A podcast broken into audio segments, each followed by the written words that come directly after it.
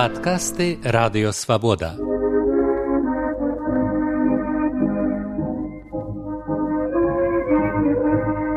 Падарожжа ў БНР з Сергеем Шупам.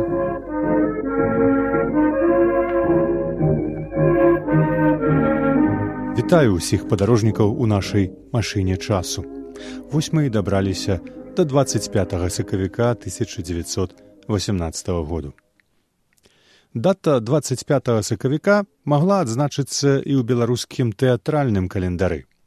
Кіраўнік таварыства беларускай культуры кастусь мядзёлка запрасіў на гэты дзень намесніка старшыні дырэкцыі беларускага нацыянальнага тэатра язэпа варонку на паседжанне трацейскага суду, дзе мелася разбірацца спрэчка прыналежнасці тэатральных касцюмаў паміж дырэкцыяй названага тэатру і першым таварыствам беларускай драмы і камедыі. Няясна, чаго ў гэтай справе было больш драмы ці камедыі, але сталася так, што язэп варонка, які быў яшчэ і пры пасадах старшыні народнага сакратарыяту ды народнага сакратара загранічных справаў, меў у гэты дзень пільнейшыя справы. У адзін з веснавых дзён 18 -го году не раней за сераду два і не пазней за нядзелю 24 сябры рады бнр усяго 71 чалавек атрымалі на рукі паведамлення прэзідыум рады беларускай народнай рэспублікі гэтым паведамляе што чарговае паседжанне рады адбудзецца ў нядзелю 24 сакавіка марца а пятай гадзіне паводле сярэднееўрапейскага часу увечары у доме пад нумарам 43 на захараўскай вуліцы трэці паверх першага ад серпухаўскай вуліцы пад'езду. У позве запрашэнні нічога не прарочыла чым скончыцца гэтае чарговае пасяджэнне. Вырашальную ролю ў тым што адбылося ў залі строй запу нагадаю сёння гэта дом дзевяць двадцать пять сакавіка восемнадцатого году адыгралі госці з вільні. У Менск выехалі дэлегаваныя віленскай беларускай радай браты Іван і Антон Луцкевічы, Янка Станкевіч, Язэп Туркевіч і Дамінік Сямашка, які праўда ў Менску згубіўся і ні ў якіх падзеях удзелу не браў. Падарожжа ў неацепленым вагоне доўжылася 24 гадзіны. Іван Луцкевіч ужо тады быў цяжка хворы на грудзі і харкаў крывёй госці прыехалі ў менск наведалі народны сакратарыят дзе на адмысловай нарадзе ясна паставілі пытання аб незалежнасці менскія паплечнікі былі яшчэ не зусім гатовыя адмовіцца ад канцэпцыі федэрацыі з дэмакратычнай рассеяй аднак палітычнае становішча прымушала і іх змяніць свае пазіцыі у выніку было вырашана склікаць пленарнае пасяджэнне рады двадцать четверт сакавіка Напярэдадні адбыўся і пленарны сход беларускай сацыялістычнай грамады, якая дамінавала ў радзе. Удзельнікі сходу аднагалосна выказаліся за незалежнасць. Падкасты радыёвабода. Падарожжа ў БНР з Сергеем Шупам. Трэцяе пасяджэнне другой сесіі рады БНР адкрылася а шостой гадзіне вечара 24 сакавіка старшыня сходу янка серада абвясціў пра прысутнасць віленскіх гасцей а яго намеснік язэп варонка выступіў з прамовай аб значэнні вільні ў гісторыі беларускага адраджэння і заслугах заснавальнікаў беларускага руху братоў луцкевічаў. Беларусы ўсклікнуў прамоўца сёння ў нас вялікдзень. Сёння зноў злучаюцца духоўна вільні і менск душа і цела. Сёння беларус у вас крос У адказ Антон Луцкевіч зрабіў грунтоўны даклад аб дзейнасці беларускіх арганізацыяў на віленшчыне і горадзеншчыне. Пасля гэтага на прапанову варонкі рада ўшанавала ўставаннем памяць памерлай у вільні заснавальніцы беларускай сацыялістычнай грамады аляізы пашкевіч цёткі. І тут, калі ўсе селі, фракцыя беларускай сацыялістычнай грамады раптам вынесла на абмеркаванне незапісаную загадзя ў парадку дня прапанову аб абвяшчэнні незалежнасці беларускай народнай рэспублікі. Прапанова гэтая выклікала пратэст часткі рады, але большасцю галасоў была прынятая і гэты пункт увайшоў у парадак дня. Даклада палітычным становішчы беларусі і прычынах якія патрабуюць абвяшчэння незалежнасці зрабіў старшыня фракцыі беларускай сацыялістычнай грамады аркадь смоліч. Пасля перапынку пачаліся спрэчкі якія працягваліся няспынна дзесяць гадзін.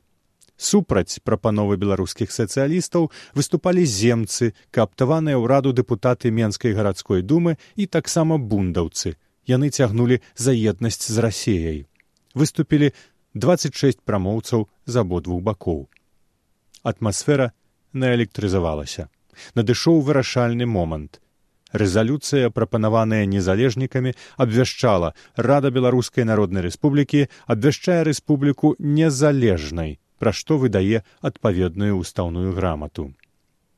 Група рады рэспублікі, вылучаная першым усебеларускім з'ездам рада з'езду, галасавала аднагалосна за незалежнасць, а гарадская група і прадстаўнікі бунду супраць, але засталіся ў радзе.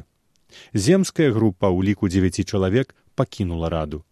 Ад галасавання ўстрымаліся прадстаўнікі аб'яднанай габрэйскай сацыялістычнай партыі, партыі пуалейцыён і расійскія эсеры.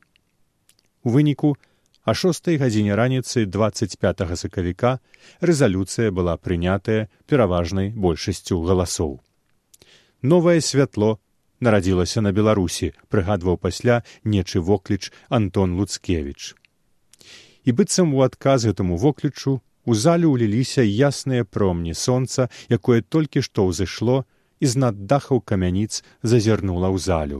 Гаснуць электрычныя лямпачкі. А старое святло згасла адказаў иван луцкевич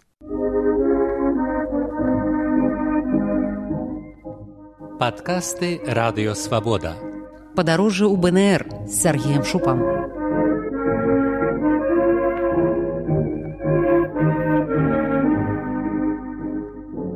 Пасля прыняцця рэзалюцыі пасяджэнне было перапынена і аднавілася 12 гадзіне дня 25 сакавіка. Дзённае пасяджэнне было прысвечанае прыняццю пункт за пунктам тэксту трэцяй устаўной граматы зноў дыскусіі зноў спрэчкі за кожнае слова. Апаненты незалежнасці спрабуюць хоць кантрабандай працягнуць у тэкст згадкі пра сувязь з рассеяй але дарэмна. Канчатковы тэкст граматы быў прыняты а трэцяй гадзіне дня. Ён быў зараз жа перакладзены на розныя мовы і вестка пра нараджэнне незалежнай беларусі паляцела ў свет. Вось што гаварылася ў грамаце устаўная грамата рады беларускай народнай рэспублікі. Год назад народы беларусі разам з народамі рассіі скінулі ярмо расійскага царызму які найцяжэй прыціснуў быў беларусь не пытаючыся народу ён укінуў наш край у пажар вайны якая чыста зруйнавала гарады і вёскі беларускія. Цяпер мы рада беларускай народнай рэспублікі скідаем з роднага краю апошняе ярмо дзяржаўнай залежнасці якое гвалтам накінулі расійскія цары на наш вольны і незалежны край. Ад гэтага часу беларуская народная рэспубліка абвяшчаецца незалежнай і вольнай дзяржавай.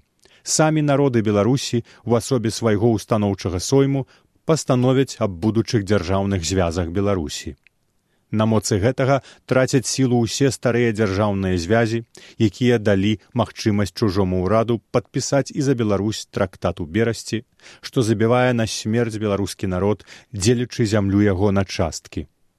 На моцы гэтага урад беларускай народнай рэспублікі мае ўвайсці ў адносіны з зацікаўленымі старанамі, прапануючы ім перагледзець тую часціну берасцейскага трактату, якая датычыць беларусі, і падпісаць міравую ўмову з усімі ваяваўшымі дзяржавамі. Беларуская народная рэспубліка павінна абняць усе землі, дзе жыве і мае лічбенную перавагу беларускі народ, аласня, магілёўшчыну, беларускія часці меншчыны, гродзеншчыны з гроднай беластокам і іншымі, віленшчыны, віцебшчыны, смаленшчыны, чарнігаўшчыны і сумежныя часці суседніх губерняў, заселеныя беларусамі.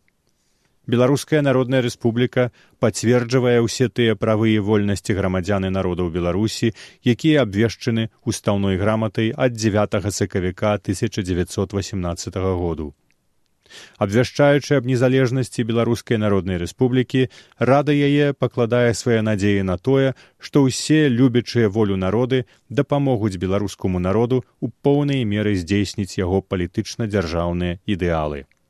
Рада беларускай народнай рэспублікі дана ў менску беларускім 25 сакавіка 1918 году.